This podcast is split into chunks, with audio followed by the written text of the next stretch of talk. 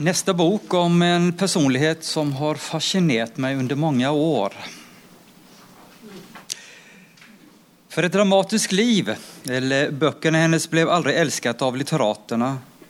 Eller hur ska man egentligen begynna en presentation om trivialitetslitteraturens okrönte dronning i Norge i Norden?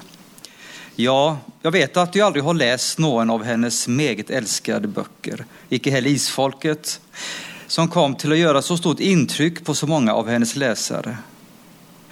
Det är icke på grund av ansnobberi eller fin i smaken som jag icke har läst, men mer av att det syns förtällningen ofta har en lite grund handling, lite fattig i både språk och form. Men Sannemo som både människa och författare har däremot alltid fascinerat mig stort. Hennes liv med det övernaturliga. Däremot har jag läst biografier om henne och följt med henne som person. Äventyrdronningen heter boken som Sölvi Wärhaug nog har skrivit. Det är en fin biografi om den smått äventyrliga historien om Sannemo och sitt liv som kom ut kort tid efter hennes död den 1 september 2018. Författaren tar med oss på en lång resa från Sannemo sin födsel på Östre Toten till uppväxten hennes i både Valdres och i Sverige under enkla och slitsamma kår i tidig barndom till ett liv i överflod hos släkt i Blekinge och vid moden ålder till att bli till en både hyllet och älsket författare. Det var ett liv med mycket, med mycket ont och mörker, med djupa traumatiska händelser som truat med att sända henne in i mörkret för alltid. Men vi finner också mycket av det övernaturliga, syner och Virkliga nära döden-upplevelser, bland annat vid en graviditet där hon möter sin skyddsängel eller följesvän genom livet, Virgil, i den osynliga världen. En världen som icke minst så tydligt kommer fram i hennes böcker. Sant eller icke överlåter vi läsaren att avgöra. Det blev många strävsamma försök till att finna en kunskap som passat hennes personlighet och talent, som hon utan tvivel hade. I första delen av 1970-åren kom så hennes genombrott med följetonger i blader och senare utgivelse av böcker. Hon kom samtidigt till att bli en mäster i att sätta ord på det som kvinnor följde ett stort samn av.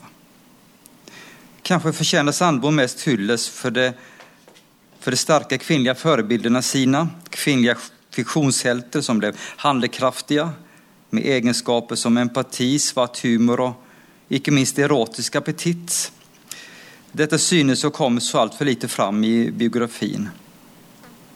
Bokens starkaste del är om hennes tidiga uppväxt, där författaren kommer Sandmo riktigt när in på livet.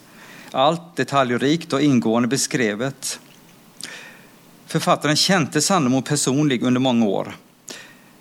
Men Margit sin egen biografi som kom ut 2010 är lite mer personlig, lite mer utan filter.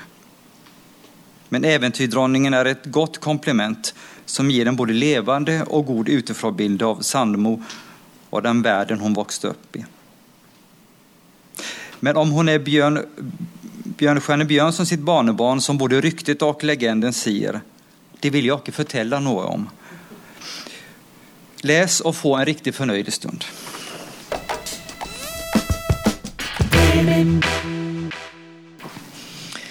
Det är Hilde Hagerup som har fått i uppgave att skriva biografin om Anne Karin Elstad. Och jag tror att hon har velat skriva en bok för alla som var glada i böckerna till den här folkkära författaren. Hon har verkligen utfoldat sig i miljöbeskrivelsen och skriver om eh, dans på ungdomshuset i Valsöfjorden på 50-talet med kreppapirpynt på väggarna och rock'n'roll på dansgolvet. Om juletrefester på 60-talet för en ung lärare och småbarnsmor. Om familjeliv och husbygging och allt det allmänliga men allikevel unike, som prega livet til Elstad, før hun debuterte som författare i slutten av eh, 30-årene. Selv om Hagerup skriver annerledes enn Elstad, så har hun det til eh, felles med henne at det kjennes tett på livet. Det er sanselig og kjennes nært. Enten hun skildrer historien til oldeforeldrene hennes og andre forfedre, og ikke minst mødre, eller Elstad sitt eget liv.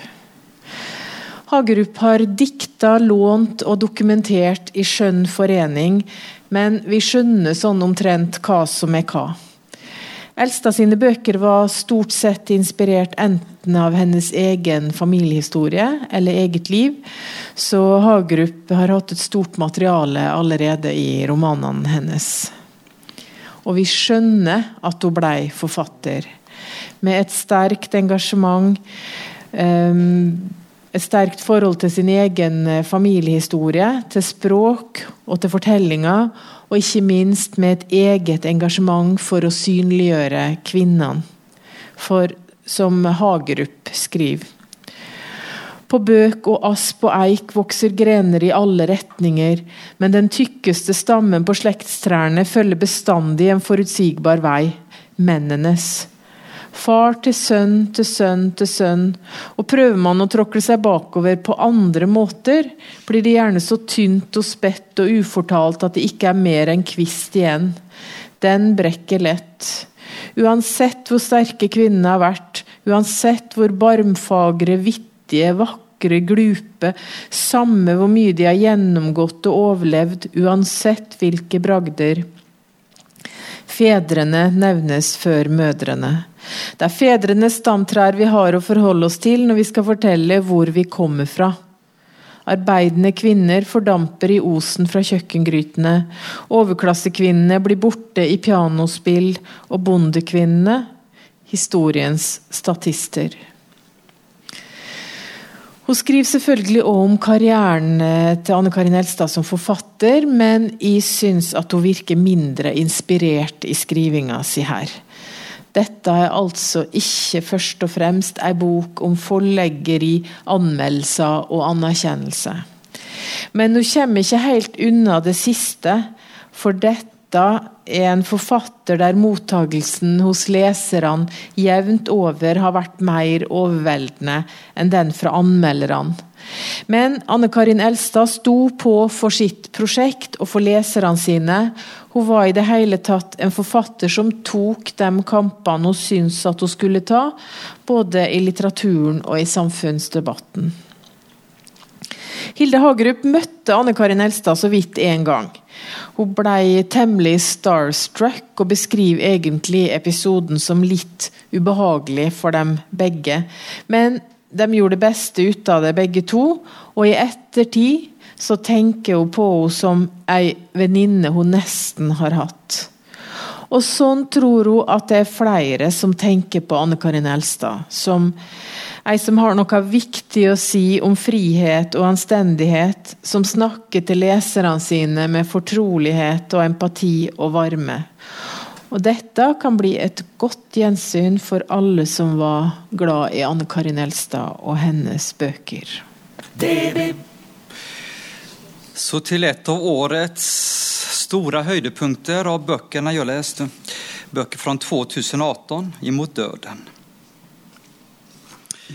En underbar liten bok på 85 sidor i min hand av Morgonbladets litteraturkritiker och bokanmäler Bernhard Ellefsen. Döden, detta som tar fra oss allt. Vänner, mina närmaste, den kände världen och allt det som är mig. Hvordan ska vi förhålla oss till detta oundgåeliga fenomen, och hvordan ska vi möta det? Ellefsen tar med oss på en lang reise med hjälp av litteraturen som ett utgångspunkt.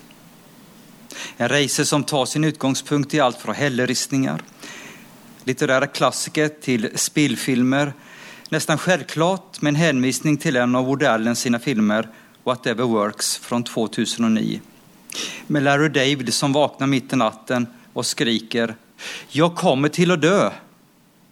Kanske humor hjälper oss att få lite distans eller ett litet perspektiv till detta så allvarliga tema, tänker författaren. Texten är skriven med en bunnärlig tone, men samtidigt med varme och fullt allvar.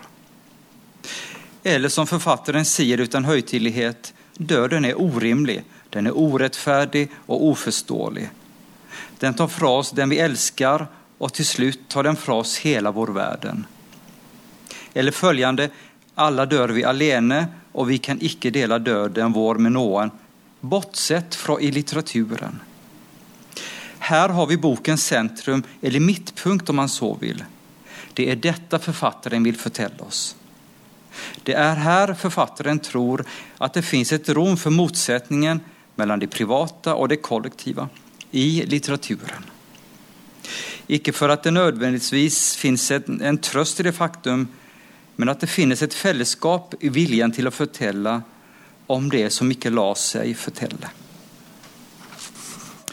Vi må tänka på döden, det är icke till att undgå. Slik är det att vara människa. Men tänkningen vår styrkes nästan alltid av att finna ett städ, ett medium hvor den kan virka. Litteraturen är ett slikt städ, konsten också, och helleristningarna. Ett städ för erkännelse som gör oss i stand till att tänka samman, också på det vi må erfara alene. Litteraturens städ är utanför oss själv och vi kan mötas där samtidigt som vi ankommer var för oss. I litteraturen är det inte meningen att vi ganska enkelt ska reagera på det som sägs där. Läsningen är icke simpel reaktion på en yttring. Att läsa är att skapa mer, att tänka vidare och leva med och bruka det vi tänker. Den starka dödslitteraturen ger oss redskaper till att tänka på döden och till att strida emot. Ellefsen värdisätter höjes dödsförtällningarna. Det som protesterar mest höjligt och välformulerat mot orimligheten. Men det är och förblir en tappt kamp. Eller som man säger med följande ord. Förtällningen om döden går icke upp, finner icke sin harmoniska balanse eller försonande avslutning. Därför är litteraturen så välägnad till att romma dessa förtällningarna. Orimligheten, motsättningarna och absurditeten.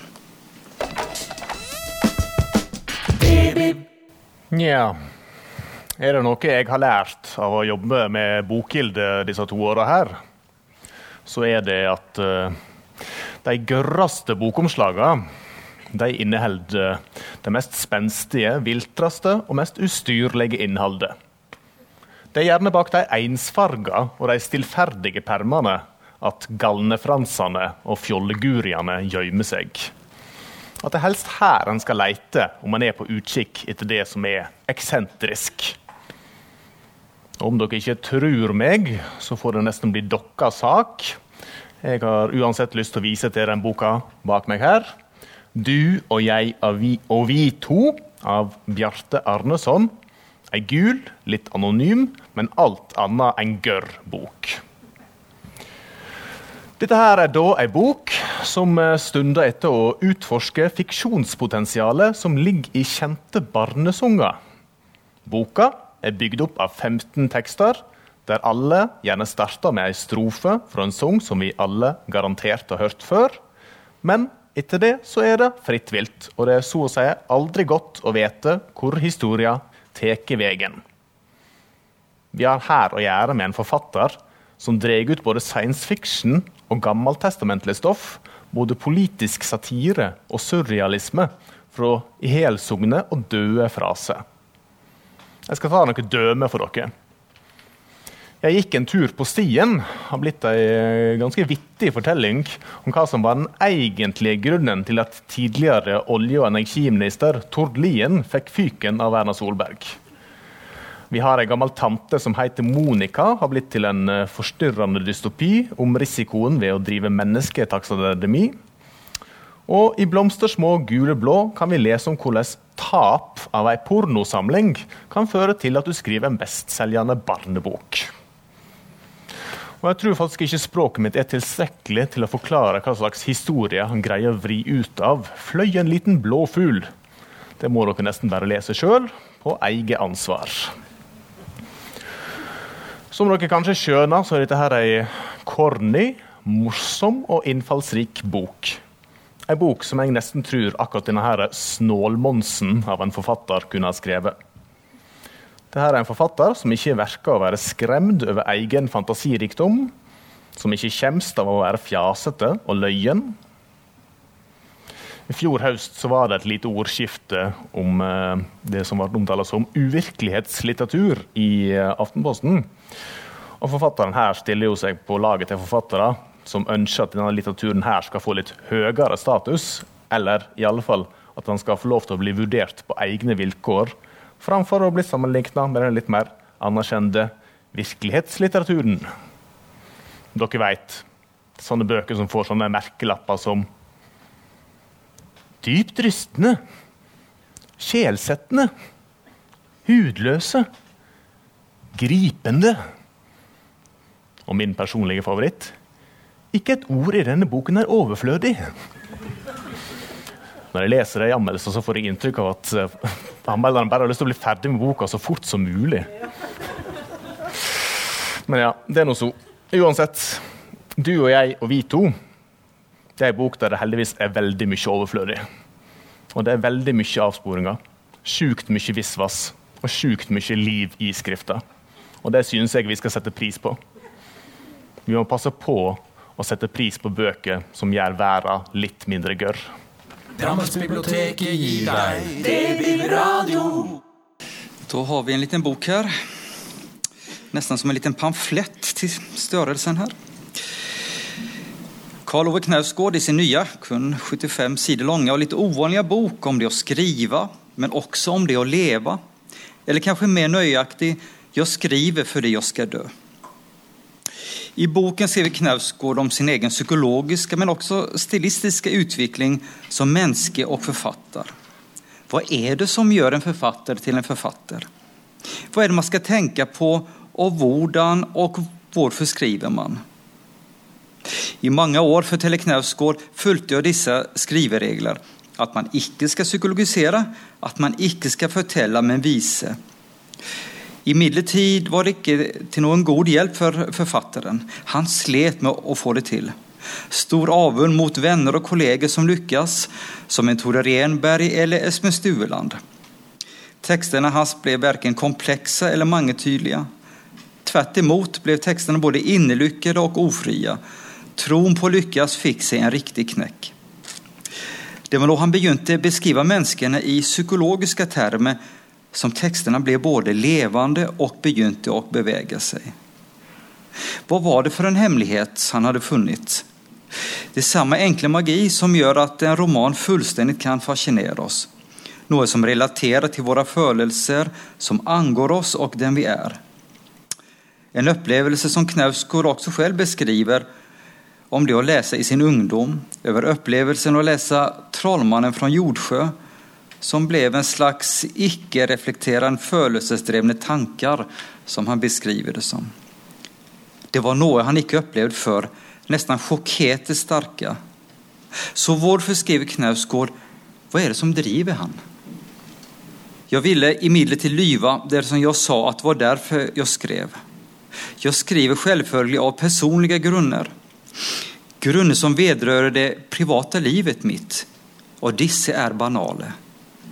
Jag skriver också av existentiella grunder, grunder som vedrörer vad det vill se och vara till.